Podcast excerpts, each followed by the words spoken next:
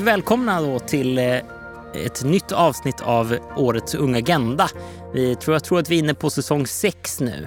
Och den här säsongen är lite speciell. Vi kör bara EU-fokus hela säsongen.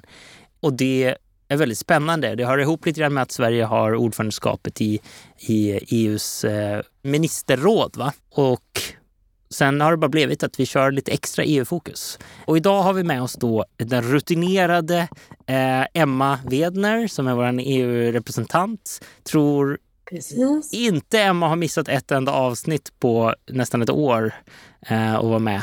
Eller ett halvår åtminstone. Så är verkligen rutinerad. Mer än mig. det har blivit några avsnitt. Exakt. Och sen har vi också med oss en från LSUs styrelse, nämligen Sigge Sigge Eriksson dessutom. Om jag säger efternamn på, på Emma så måste vi göra det på Sigge också. Eh, välkommen Sigge, det var första gången du körde podd. Ja, det stämmer. Tack så mycket. Tack för att kul att vara här. Kul. Och du sitter i LSUs styrelse mm. och är talesperson eller liksom har någon slags huvudansvar för EU-politiken och EU-verksamheten, eller hur? Det stämmer. Eh, jag är talesperson för hållbart engagemang och ledarskap, men även europeiskt samarbete. Hur känns det? För det är ganska nytt. Det är ganska nytt. Det. Eh, det är väldigt, väldigt roligt. Jag, det blev ju väldigt mycket EU och Europaarbete under förra året. Eh, så det känns, känns ju bra nu att jag, att jag tog mig an den, den talespersonsrollen också nu under det andra året. Som vi, ser. vi har ju två års mandatperioder. Mm. Så att jag kombinerar de två frågorna är väldigt, väldigt roligt. Har det varit mycket att sätta sig in i? Jo, men det tycker jag. Det får man väl ändå säga. Man, eh, det var ju inte riktigt det jag hade tänkt Nej. när, jag sökte får man säga, eh, till LSUs styrelse. Utan då var det mer hållbart engagemang och sociala frågor och, och hälsa som jag ville satsa på. Men sen så, ja, det blev lite, lite annat också på vägen. Så det har varit jättekul att få, få följa alla processer och försöka få en bättre förståelse för Europa och europeiskt arbete. Känner du att eh, du har lärt dig väldigt mycket eller hade du liksom, du hade koll på alla de eh, bitar och trådar som EU är inblandade i. Spindelnätet liksom som är EU. Nej, det Nej. kan jag säga att jag inte hade. Jag, den första EU-konferensen som, som, blev, eh, som jag tog mig an, då blev jag faktiskt ringd samma morgon, eh, en torsdag morgon förra året och så frågade de om, om någon kunde, eller om jag kunde åka till Strasbourg på en, på en EU-konferens. Och då, Ja, visst. så då bokade jag flyget på förmiddagen och åkte ner på eftermiddagen. Och sen dess har det, har det fortsatt egentligen. Så det, och då hade jag absolut inget knappt något in, eh, visst ett intresse, men, men ingen större erfarenhet eh, av, av EU och Europa.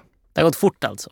Det har gått jättefort. Vad va, va kul. Det känns som att EU är ganska snabbt eh, koncept överlag. Liksom. Mm. Att det, det, flyter på fort, man måste hänga med i alla eh, svängar. Så är det. Hur mår du då, Emma?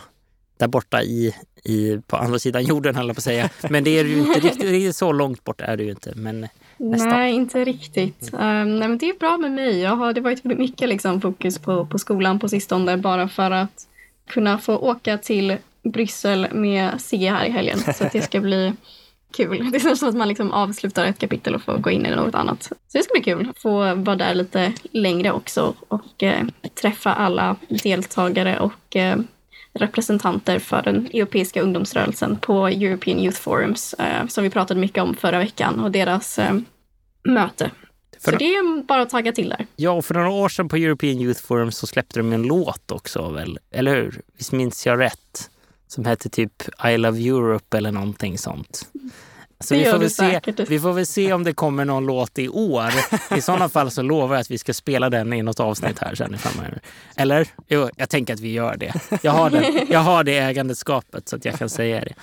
Men idag så ska vi prata om någonting annat. Idag ska vi prata om eh, lite mera en åtminstone en, en, en, så gott som färdig produkt som LSU har tagit fram. Eh, vad, vad den mynnar ut i, det är väl det vi ska kanske komma in på lite grann nu sen.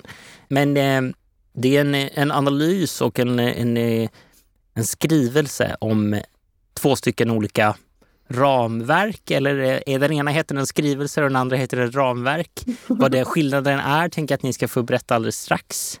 Men som handlar i alla fall om, den heter i alla fall ungdomspolitik, välfärd och suveränitetsprincipen. Vad är det? Ja, det, det blir ju tydligt att det finns lite att reda ut här nu med tanke på att vi redan snurrade till det lite med skrivelser och, um, och ramverket. Så där ska vi försöka bena ut vad det faktiskt innebär och vad skillnaden är. Och det är egentligen vad den här rapporten går ut på, att se liksom hur um, det europeiska ramverket som har att göra med EUs ungdomsstrategi och ungdomspolitik gentemot medlemsländerna och eh, Sveriges politiska skrivelse för ungdomspolitiken skiljer sig men också har liksom likheter. Eh, och det är helt enkelt en rapport som LSU har kommit ut med nu inför ordförandeskapet. Vem, eh, vem skulle man kunna säga är det, det, det europeiska ramverket då? Är det liksom, skulle man kunna säga att det är, det, det är liksom EUs högsta ungdomspolitiska eh, produkt eller, eller liksom är det, är det så, så pass högt upp att det liksom borde utmynnas på andra medlemsstater? Och kan jämföras då med Sveriges nationella skrivelse som är liksom för svensk ungdomspolitik. Stämmer det eller är det Ja, vi kommer ju komma in på, på det lite mer i detalj. Eh, men för en liten sneak peek så får man ju eh, alltid ha med sig att EU måste är baserat och eh, existerar på grund av dess medlemsländer. Mm. Så där blir mer det övergripande och sen så kan man på nationell nivå gå mer in på själva sakpolitiken i sig medan EU är mer facilitera möjligheten att arbeta med de här frågorna. Okej. Okay. Men eh, om vi backar lite grann då, kanske gick händelserna i förväg. Varför behövs den här, eh, den här analysen och jämförelsen mellan de två ramverken? Ja, jag tänker att jag, jag börjar lite så får Sigge mm, fylla mm, isen. Ja. Eh, men jag tycker det blev väldigt tydligt där när vi redan började eh, vi var inne på, vi var inne på syftet. Ja, mm. exakt. Vi, vi såg problemet redan från början. Det handlar ju dels om eh, just kopplingen till Sverige i att vi har ordförandeskapet och att man vill se ett ökat engagemang för EU-frågor i, i Sverige och den svenska ungdomsrörelsen. Och då behövs det en eh, förklaring som går igenom liksom vad, vad finns för möjligheter eh, från den europeiska nivån och hur förhåller man sig i det, eh, till det i, i Sverige men också hur man ska fånga upp engagemanget för eh, att jobba med EU-frågor i, i Sverige nu under det här halvåret och eh, fokusera på, på ungdomskonferensen i Sverige. Så det är lite mer syftet till det. Eh, och sen så har vi eller tajmingen till rapporten mer specifikt. Och sen så har vi precis den här, man jobbar med ramverk, man jobbar med skrivelser, hur fungerar de, vilken är mest politisk, vilken jobbar mer för att sätta praktiska möjligheter att genomföra ungdomspolitik på nationell nivå. Eh, så egentligen att det blev en väldigt bra illustration av vad problemet är. Eh, att se hur de här olika mer eller mindre politiska dokumenten eh, hör ihop och komplementerar varandra. Okej. Precis, jag, jag kan mm. ta vidare. Mycket, mycket just att den ligger i tiden är ju som, som Emma var inne på, just att vi har ett ordförandeskap och nu har vi ju lite mer halvvägs har vi kommit igenom det. Eh, men det fanns ju också en tanke inför att man ska kunna koordinera eh, ungdomsrörelsen just för att engagera sig och få upp, få upp ögonen för vad EU är, men också hur man kan använda det. Så det har ju funnits, precis som, som Emma sa, just det med koppling till EUs ungdomsdialog, men även att, att väcka ett intresse. Och då är bland, bland annat om frågor kring inkludering, hållbarhet och sociala frågor exempelvis. Vi kommer ju gå in på det som tidigare. Vi, vi, jag kan ju också passa på att nämna att vi hade ett lanseringsmingel mm. också. Eh, och det var i slutet av februari 2023. Och det gick det mest, eh, det samlade vi den, den eh, svenska ungdomsrörelsen och bjöd in ungdomsrörelsen i Sverige för att diskutera EU och Europafrågor, men också att lansera den här rapporten. Vi kan också nämna att det är Sandra Daniel, en tidigare medarbetare på LSU, som är ja. författare till, till eh, den här analysrapporten. Så hon fick presentera den och ha lite dialog med med medlemsorganisationerna. Ja, exakt. Bra att du kom in på det. Och Sandra var inbjuden men hon kunde tyvärr inte vara mm. komma hit idag. Men jag tänker att vi, vi får göra vårt bästa och, och, och utgå från eh, vad vi kan bena fram här. Okej, jag börjar förstå syftet, jag börjar förstå lite grann så här varför behovet fanns och också hur det växte fram. Men för vem huvudsakligen skulle den här rapporten rikta sig till då? Är det sådana som mig som på något sätt, eller, eller är det sådana som Sigge som helt plötsligt blir inkastad i EUs byråkratiska värld? Eller är det för, eller är det för, för mig som bara jobbar och typ har någon gång in, varit på ett något Erasmus plus-utbyte i EU eller så? Eller är det för till exempel politiker? Är det för de som faktiskt sitter på regeringskansliet? Vad skulle ni säga? Ja, det är väl framförallt eh, tre målgrupper som, som den här analysrapporten vänder sig mot. Och det är ju representanter för, för ungdomsrörelsen, alltså den breda ungdomsrörelsen mm. i Sverige. Och som makthavare på nationell nivå också, också den intresserade allmänheten. Så det är väl de tre som är de primära målgrupperna. Och det har ju både med i vilken hur, mycket man är involverad med arbetet att göra, men, men, men framförallt att representanter för ungdomsrörelsen har ju att, att vi LSU företräder ju dem och då också att vi har material som, som kan vara relevant i deras arbete att, att eh, tillhandahålla. Och också makthavare på nationell nivå för att just kunna få ett genomslag och mobilisera på nationell och europeisk nivå. Och den breda allmänheten är ju alltid välkommen att ta del av, av material och liknande. Mm. Nice, vad härligt. Då för jag hoppas att vi, att vi når fram till dem också som, som eh, borde beröras. Men nu vill jag ju veta här, vad, vad innebär det här då? Vad är det för någonting egentligen? Hur, ska vi börja i någon ände? Vad är och hur funkar den, den eh, Sveriges ungdomspolitiska skrivelsen? Har ni koll på det? ja, det kan man fråga sig. Vi, vi kan ge, ge ett försök. En liten sa kort sammanfattning bara och så kanske vi kan se hur, hur den skiljer sig mot det europeiska ramverket. Då. Absolut. Och också förtydliga, den här analysrapporten vilar ju på, på två delar. Den ena är den Sveriges ungdomspolitiska skrivelse som är från 2021 och löper framåt. Eh, och den andra är EUs ungdomspolitiska ramverk som löper från 2019 till 2027. Mm. Den ungdomspolitiska skrivelsen i Sverige grundar sig i proposition från regeringen för 2013, så är rätt så, rätt så gammal. Men där framkom det här behovet av en samlad redovisning för vilka de ungdomspolitiska målen ska vara och också ett ungdomspolitiskt handlingsprogram. Eh, och det har också utvecklats därefter. Och i den här skrivelsen som just vi, vi ja, du och jag Joakim har framför oss, mm. men, men den här skrivelsen så eller analysrapporten ska jag säga, så har LSU varit delaktig i att ta fram den, men också med andra civilsamhällesorganisationer. Mm. Så att det finns en, en förankring i, i ungdomsrörelsen. Och man, man, kan, man kan väl säga lite generellt att man gjorde en, en omvärldsanalys när man tog fram den här skrivelsen och där man betonar bland annat, som också LSU betonar ofta, att unga är medborgare här och nu och inte endast ska ses som, som medborgare i framtiden. Men man alltså också negativ utveckling utifrån sin socioekonomiska bakgrund, att det kan ha, ha, ha påverkan på hur, hur ens framtid ser ut mm. men fram, och också uppväxtvillkor och liknande. Men även att man poängterar att det finns en positiv trend gällande livschanser för individuella unga personer och också deltagande i samhällsdemokratin. Så man gjorde lite reflektion. Eh, hur såg läget ut och hur, hur ställer sig unga då till kontra framtid och liknande? Och då kom man fram till fyra prioriterade områden som lyfts fram i, i, i Sandras analysrapport. Och det är ungas hälsa, social inkludering, meningsfull fritid och delaktighet i samhällsbygget. Jag kommer återkomma till dem lite mer och också vad man har för åtgärder lite senare.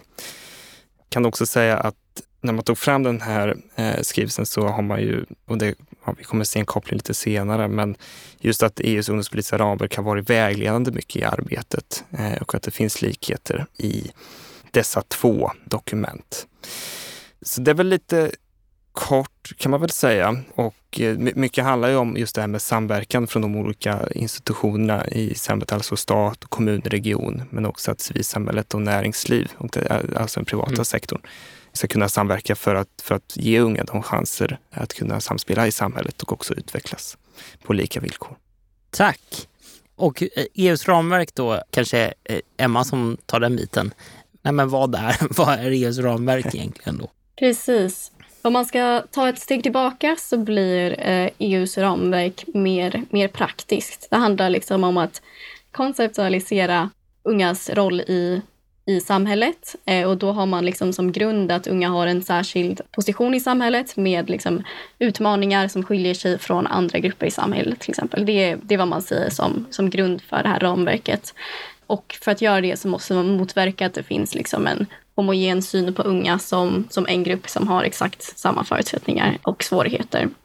Så där har liksom själva målet med den här ramverken eh, är att alla unga ska kunna delta i i samhället och ha resurserna som krävs för att delta i samhället. Eh, och redan där blir det väldigt tydligt att de resurserna ser väldigt olika ut och tillgången till eh, att kunna delta i samhället är, är väldigt olika beroende på vilket medlemsland du kollar på. Så här blir det ganska tydligt snabbt att ungdomspolitiska ramverket, till skillnad från skrivelsen, måste ha liksom ett fokus på att kunna möjliggöra politik på, på medlems, eh, medlemsstatsnivå.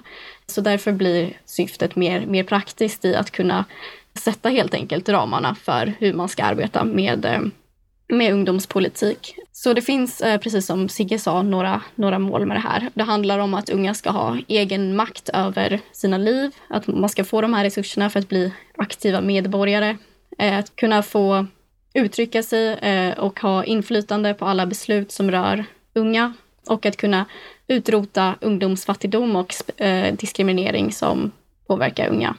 Och då jobbar man helt enkelt med tre stycken olika prioriteringar eh, och det handlar om att engagera unga, sammanföra unga och att eh, stärka ungas eh, position i samhället. Okej, tack. Jag tror att jag eh, hänger med. Vilket jag också hoppas att andra gör, de som lyssnar kanske. Ni verkar ha koll på läget ni i alla fall, så det här känns som, det känns som att vi är trygga händer. Vilken kom först av de här, tänker jag? Är de liksom influerade det, av, ja. är det någon som är influerad av den andra? Eller är de liksom helt, är det två stycken fristående bitar? Får se om, om Emma har en annan uppfattning, men det skulle inte jag, jag säga. Utan att eh, det, skillnaden är ju att, att skrivelsen är ju politisk lagstiftning och bindande lagstiftning som man tagit fram okay, den svenska, precis, den svenska ja. eh, politiska lagstiftningen. Och det andra är ett ramverk som ska vara mer prejudicerande, eller vad heter okay. vägledande, okay. Eh, ska vi säga, för, för medlemsländerna. Så det blir ju att den ena sträcker sig från 2019, alltså den europeiska ramverket. Okej, okay, så den är lite nyare? Ja, den svenska är från 2021. Eh, Okej, okay, den svenska från 2021. Så, så den är vi nyare. Eh, så som jag ska, vi får se om, om Emma har en annan uppfattning, men att, att det europeiska ramverket har varit vägledande i det svenska arbetet.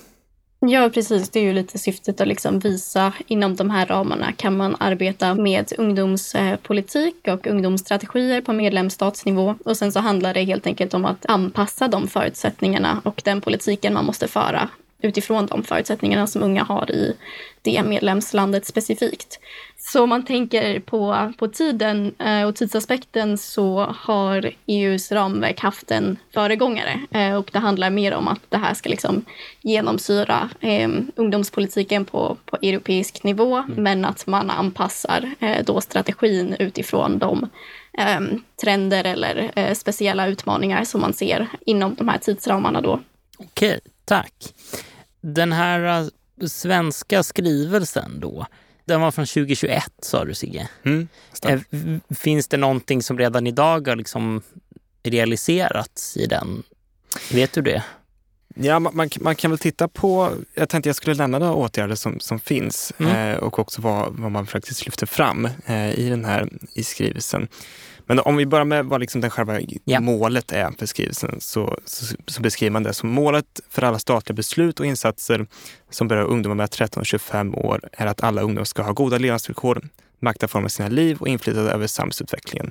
Eh, så det här är på något sätt det grundar sig i den här propositionen för 2013, det här målet, men också har, har varit med i det här arbetet inför skrivelsen.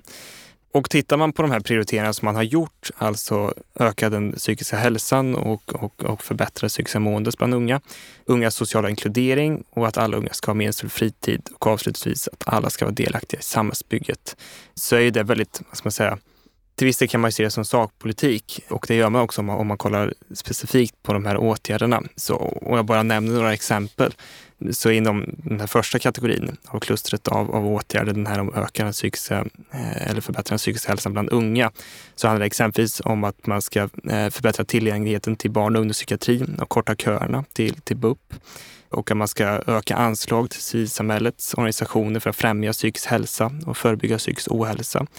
Men också att, att mycket prioriteringar mot eh, preventiva åtgärder mot eh, suicid. Så, så det, om man ska säga så här, så det är ju det är mål som såklart, är, nu är det bara den här första delen om, mm. om hälsa och psykisk hälsa. Men ser man till, till vad det är för mål så kan man ju faktiskt konstatera att det är, det är mycket sakpolitik. Så, mm. så jag kan tänka mig utan, ta, utan att egentligen veta att, att när den här skrivelsen togs fram eh, så har ju säkert den föregående, ja två regeringar så blir det väl egentligen då, mm. men förra mandatperioden när den här fastställdes så har man väl säkert varit haft sin egen sakpolitik i den också kan jag mm. tänka mig. och det, ja, det går ju ut, ut för andra. Det handlar ju också om, om arbets, eh, arbetstillfällen och, och studier mm. och liknande. Så det är ett väldigt brett, brett spektrum av vilka åtgärder man, man, man har valt att fokusera på. Och jag, jag, tror om vi, om vi går till Emma så finns det nog mer specificerat i alltså, vilka åtgärder som finns, men också att det finns lite mer bakgrund. I de här åtgärderna som vi har tagit del av i den här analysrapporten så handlar det mycket om att, att föra fram de, ja, vad ska man säga, korta och koncisa åtgärderna. Eh, så det handlar ju mer om att vägleda också i det arbete som exempelvis BUP gör, men också mm. Arbetsförmedlingen eller, eller lärosäten.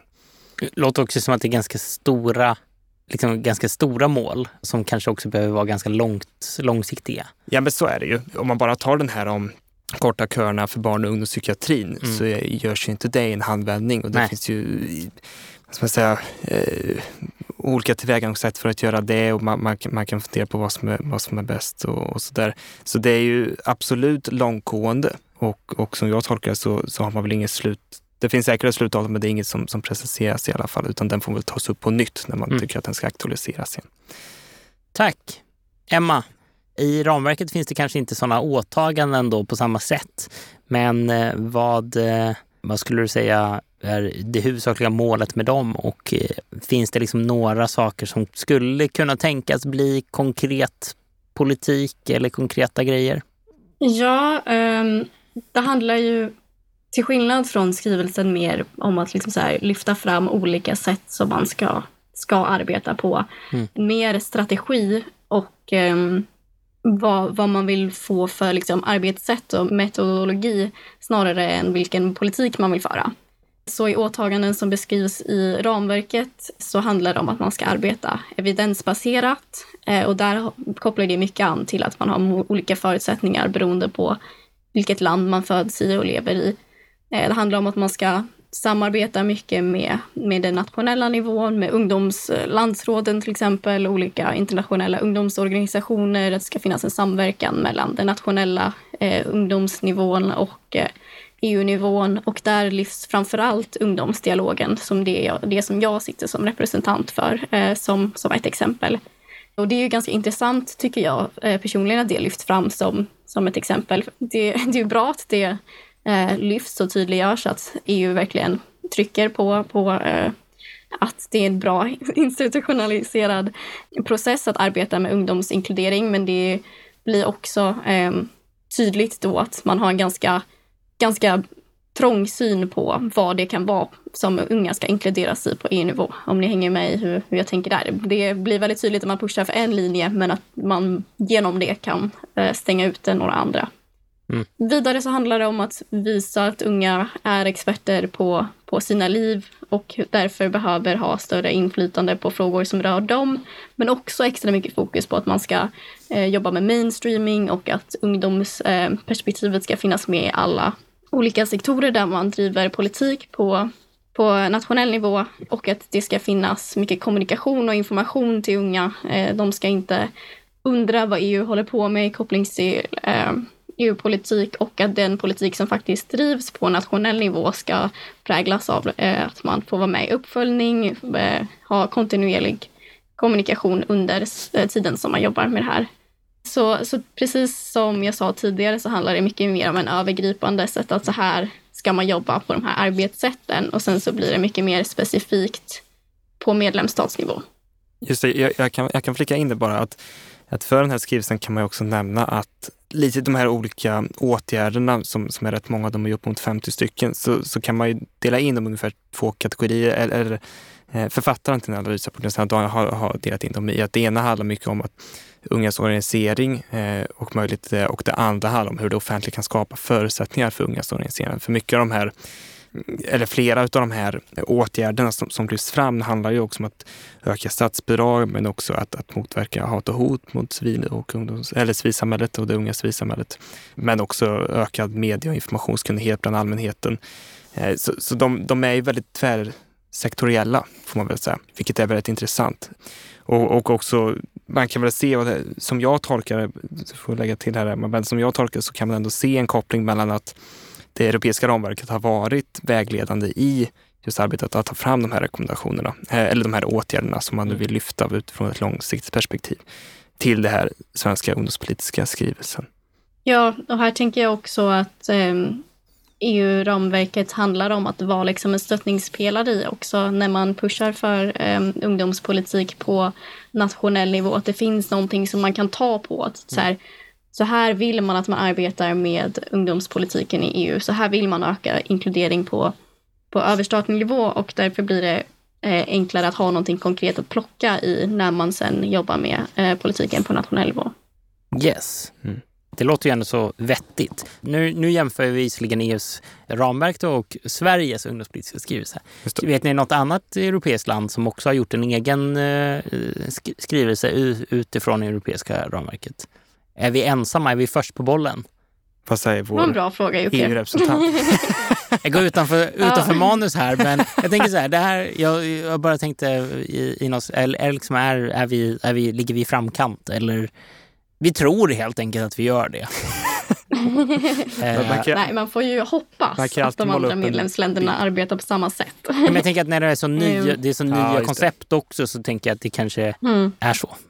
Ja, det kan man ju också grotta vidare i. Jag tänker att den är ju, precis som du säger, den är ju rätt ung. 2019, mm. det är ju ja, nästan fyra år sedan. Det är ju inte jätte... Inte jättelång tid att, att göra för alla länder som kanske har mer pressande eh, saker. Ja, men precis. Men också att, att vi efter den här, vi, vi gick med den svenska ungdomspolitiska skrivelsen så gick den ut 2021, eller mm. ja, den publicerades, eh, trädde i kraft 2021 och då hade man ju ändå jobbat med det från säkert långt, långt tidigare, men också framförallt man tog inspiration mycket utifrån den här propositionen som kom 2013. Exakt, det, är, det är ju innan EUs. Just det, så är det ju. Mm. Ja. Okej, okay, spännande. Vi hoppar tillbaka till, till det vi faktiskt ska prata om. Då har vi varit inne lite på att vi tror, vi gissar på att eh, den ungdomspolitiska skrivelsen är, är lite influerad åtminstone av det här mer generella europeiska ramverket. Just det.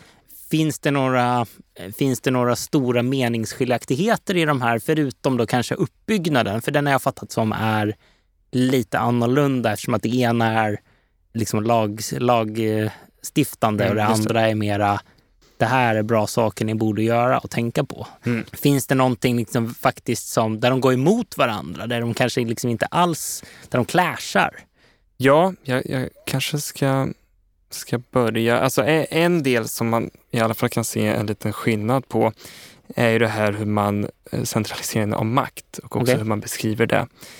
Och eh, skrivelsen pratar ju om politikområdet som inbegriper ja, sociala frågor men också kulturpolitik, eh, ungdomspolitik. Mm. Medan ramverket är mer praktiskt inriktat och pratar mer om ja, verktyg och mer vara vägledning, ja. precis som du har varit inne på. Men skrivelsens den, den, svenska ungdomspolitiska skrivelsen är ju mer inriktad på att målet är makt, medan ramverket pratar mer om att, att, att man behöver sträva efter en omfördelning av makt eh, och utifrån makt av maktens olika dimensioner. I, och det kan handla om ekonomisk makt eller politisk makt. Mm. Eh, så det, det ska vi säga att som jag tolkar så är skrivelsen mer på att, att vi ska ha, att unga ska tillhandahållas makt och det andra ramverket handlar mer om att ett omfördelning av makt eh, utifrån olika maktdimensioner. Har, har vi tolkat det någorlunda lika, Emma?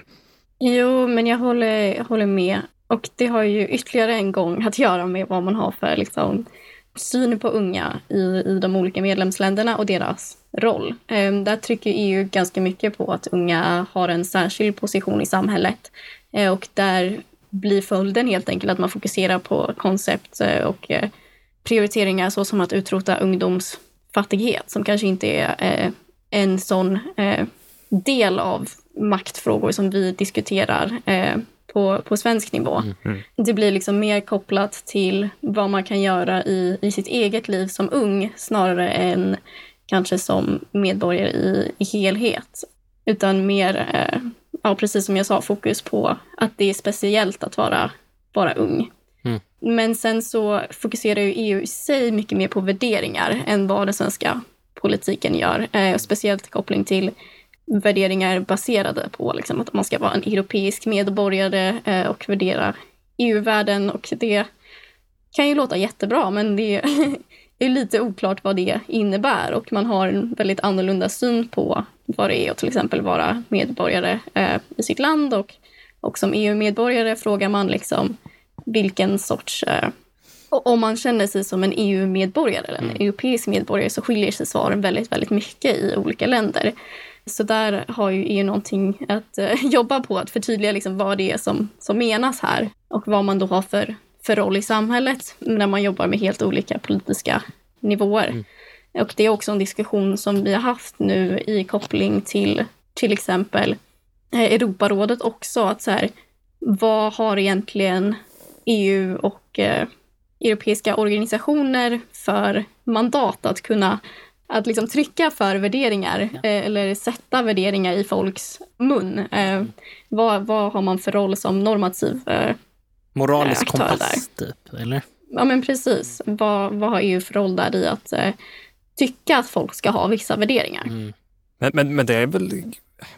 Jag vet inte om vi ska, vi, vi ska tycka så mycket, men, men det, kan, det, kan vara, det kan väl ändå kännas, kännas rimligt att, att man har den distinktionen.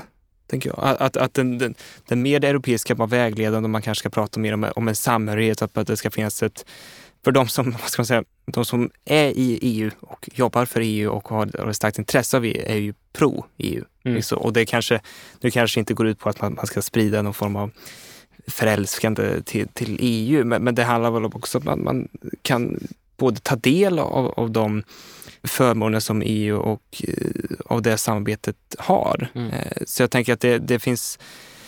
För, för mig blir det också väldigt tydligt att, att i det här skrivelsen att det, det, är tydligt mer kopplat till, till, ja, till civilsamhället i Sverige och mm. till BUP och kultur och, och lite annat som, som är riktat mot, mot den kontexten vi lever i, i Sverige som medlemsland. Yeah. Och sen det andra handlar mer om värderingsfrågan. Att okay. Hur ser vi för oss som europeer i en, i en EU-kontext? Så ser jag i alla fall på den distinktionen.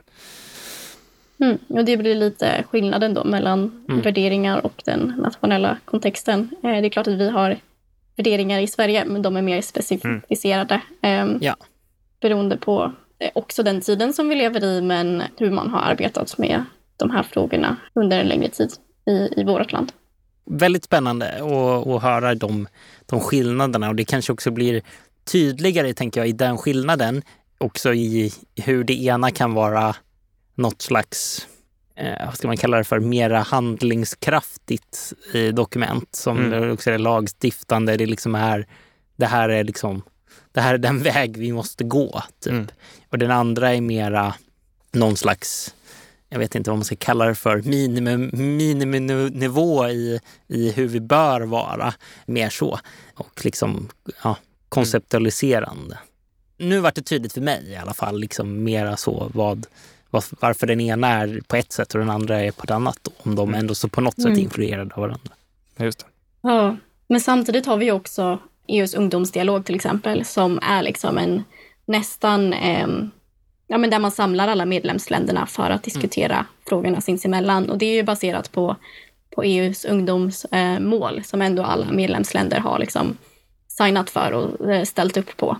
Så, så ungdomsmålen i sig är ju ett sätt att konkretisera det här och se hur man kan arbeta eh, på ett övergripande plan, men också få effekt på både nationell men framförallt också lokal nivå i koppling till de här frågorna. Så där eh, konceptualiserar vi väldigt tydligt hur man arbetar med sociala frågor, eller hur man kan arbeta med sociala frågor och eh, hållbarhet, eh, speciellt nu utifrån de här rekommendationerna som vi har varit med och skrivit till exempel. Eh, och det är ju ett sätt att kunna arbeta med konkret politik eh, från ett EU-håll. Mm. Eh, så det visar ju också att man, man kan jobba med det på olika nivåer och att EU jobbar väldigt hårt för att kunna sätta någon sorts, eh, sätta ramverket i praktiken, eller vad man ska säga. Men sen blir det också en väldigt speciell process, ungdomsdialogen. Det är ju två personer som mm. representerar varje land. Liksom. Det är hur, hur representativt det är egentligen går ju att diskutera, men det är i alla fall en process som finns där och är väl integrerade i EU-processerna, eller vad man ska säga. Så att därför är det väldigt viktigt att man ser att båda delarna behövs mm. för att vi på ett nationellt plan kan arbeta mycket mer med, med inkluderingsdelen och representationen utifrån de förutsättningar och behov som vi ser mer specifikt till skillnad från där vi på EU-nivå går ihop och pratar. Eh, förra gången pratade vi till exempel om den här EU Climate Ticket. Det är ju väldigt konkret eh, vad man vill att mm alla medlemsländer ska göra. Och sen så mer på de sociala frågorna så, eh, precis som Sigge har nämnt, så handlar det ju lite om vilka praktiska möjligheter man har och vilka prioriteringar som man ser utifrån varje medlemslands behov. Precis. Jag tänker så här, vad, är, eh, vad blir nästa steg här nu då? Eller har ni några fler reflektioner och, och eh, känner ni att vi har missat någonting superviktigt här nu? Missat? Vet jag, jag kan tillägga, tillägga en grej och det som, som Sandra lyfter fram i sin, i sin rapport så finns det ju ett, ett, ett starkt intresse av att, att vara också en del mm. av det europeiska samarbetet och också ta del av vad som, vad som finns möjligt men också att, att Sverige faktiskt engagerar sig i de här multilaterala formerna och internationella samarbeten. Och det är ju vi från, om jag får prata från styrelsens håll, väldigt tacksamma för att, att det finns ett intresse för, för när vi lever i en tid när länder kanske sluter sig inåt och det finns en, en intresse av eller ett, ett minskat intresse av att, att samarbeta länder emellan så, så är ju vi väldigt glada att, att man också tar till sig från EU och Europa. I vissa sammanhang så kan man ju se eh, Sverige som en liten motsträvig eh, europé. Mm. Eller en, att man, man, är med i det europeiska samarbetet och, och, i EU men man håller sig också på sin kant mm. kan man väl säga. Och det behöver vi på något sätt införliva just det att EU bygger broar och att eh, skapa förutsättningar för unga och ungas rätt till påverkan i samhällsutvecklingen.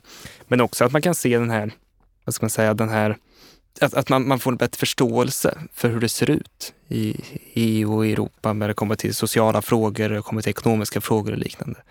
Så, så en del som verkligen lyfts fram i den här rapporten är att man är tacksam att, att det finns ett intresse att ha den här EU-europeiska mm. närvaron som vi, som vi ändå är delaktiga i. Ja, för att koppla an till de här liksom europeiska värderingarna så formas ju de verkligen av att det finns ett intresse för att samarbeta mm. Medlemsländerna sinsemellan.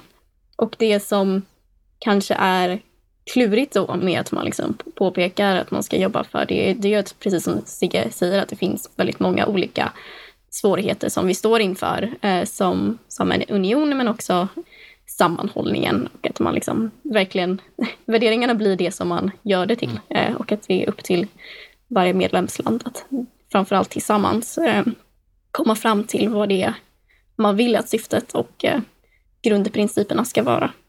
Jag tänker att det, det låter klokt, det ni har att säga och också den här rapporten verkar som att den är välarbetad stark rekommendation att ha som ska man säga, kvälls som, aftonläsning. Som, som coffee table book, för den är också ganska snygg. Ja, det, är den. Eh, det är vår kollega på LSU som har designat den. Jag tänkte en sista fråga om, om själva liksom rapporten. Vad blir nästa steg? Ha, vet ni det? Vad liksom är... Den finns nu. Vi har diskuterat den, vi har haft ett mingel. Eh, den, är, den, den känns liksom välarbetad och välgjord. Vad, eh, vad blir nästa steg för den då? Ja, om ni alltså, själva fick välja, om vi säger så. ja, nu har ju vi spenderat mycket tid med att liksom bena ut vad de här olika sakerna betyder, men allt det finns ju också i rapporten. Mm. Eh, så alla de här frågetecknen som vi började med i början av den här podden är ju egentligen syftet med, med den här rapporten. Mm. Så precis som när Sigge pratade om målgruppen, både från politiskt eh, makthavare-håll och eh, representanter för ungdomsrörelsen, så tänker jag att precis som vi pratar om att ramverket möjliggör eh, saker för nationell nivå, så tänker jag att det handlar om att bygga broar mm. eh, de här grupperna sinsemellan och se hur man kan arbeta med, med politiken från olika håll också kunna dela med sig av liksom, framförallt vad, eh, vad det finns för riktlinjer och hur Sverige har eh, valt, att, valt att tolka dem. Eh, så det handlar också om att man kan gå från europeisk till nationell nivå och där sinsemellan. Tack. Man kan ju också eh, enkelt ladda ner den här rapporten i alla fall. Man hittar den på basar.lsu.se är väl det enklaste. Eh, som är våran, ja, med vår marknad helt enkelt. Eh, där vi har alla våra rapporter och så. Och där finns den eh, färdig och till och med som e-bok också mm. om man vill ha den så.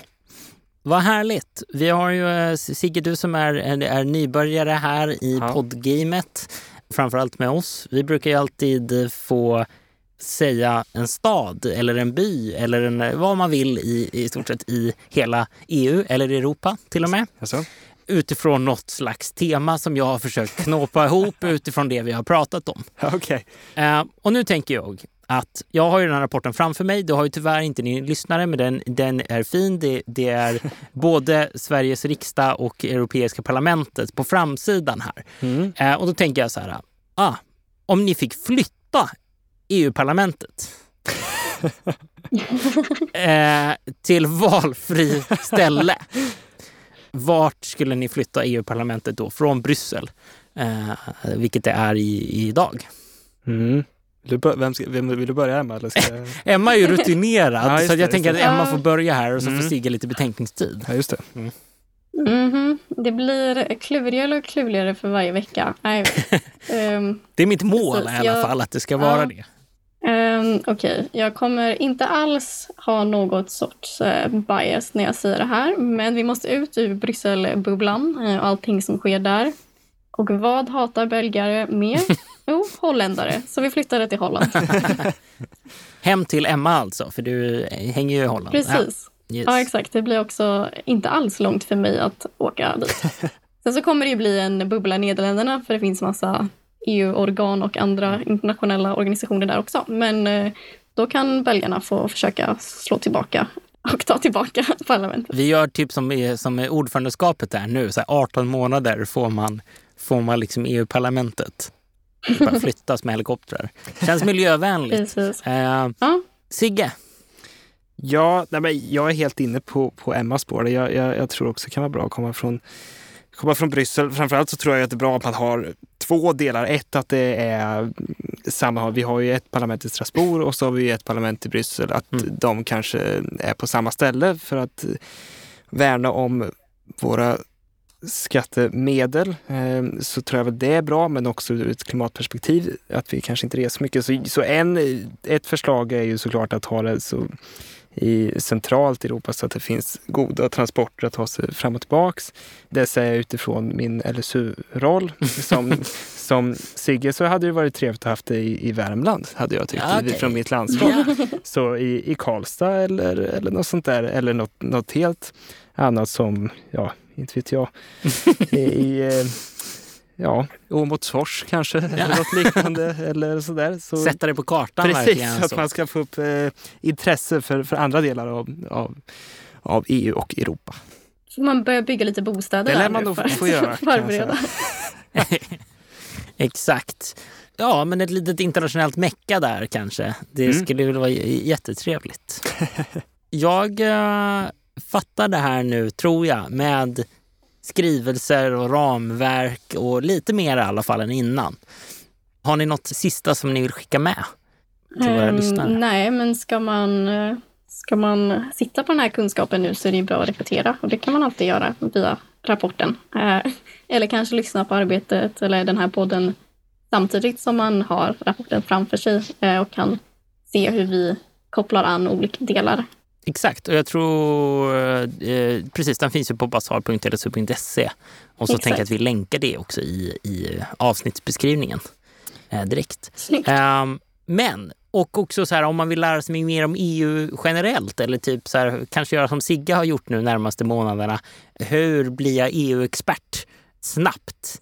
Jo, och, och hur kommer jag på en sån roll där jag kanske kräver att jag behöver vara EU-expert? Mm. För att vi söker ju vi pratade om det i förra avsnittet, att Emma och Isaks tid som EU-representanter för, för EUs ungdomsdialog löper ju faktiskt eh, snart mot sitt slut. Men då ska du ge in nya. Så att vi har ju också de uppdragen. Vill du berätta lite mer om dem, Sigge? Det kan jag göra, absolut. Vi, vi eh, söker eh, fyra personer till, till två olika uppdrag. Det ena uppdraget är EUs ungdomsdialog och det är alltså det Emma och Isak, alltså man ska ta över efter dem. Man får podda hemskt mycket. Man får podda det... och man får upptäcka EU och Europa och man får så en bättre förståelse för hur EU funkar och eh, allt möjligt inom det europeiska samarbetet kan man väl säga. Och det är den ena delen och det andra är att vi söker två representanter till ett helt, ska säga, ett helt nytt representantskapsuppdrag, vilket är EGL-rep som står för Europe Goes Local. Och där hade vi faktiskt en podd förra gången. Eller? Förra podden handlade om EGL-samarbetet. Nej, utan det är en... Ja, precis. Förra säsongen. Förra säsongen kanske Förra var... säsongen fanns det ett med där vi pratade med Europe Goes Local eh, representanter, eller de, de vuxna representanterna. Just det, just det. Eh, och nu kommer vi faktiskt närmaste veckan spela in nytt avsnitt och jag tror att du ska vara med i det ska, det ska, det, äh, det där, vi, där vi mera kommer att äh, beta, äh, beta av vad EGL-uppdraget går ut på. Just det. Så det, det. det kanske blir avsnittet efter det här i, i släppordningen i alla fall. Så kan det nog vara. Så det kan man åtminstone få höra vad, vad det går ut på. Absolut. Men det, man kan ju göra sökningen ändå. Det kan man I göra. förhand eller i förväg eller hur man nu säger. Det kan man göra. Och jag nämner det bara att det är 7 maj som är deadline för, för ansökan. Och Ja. sen så börjar uppdragen 1 juli 2023.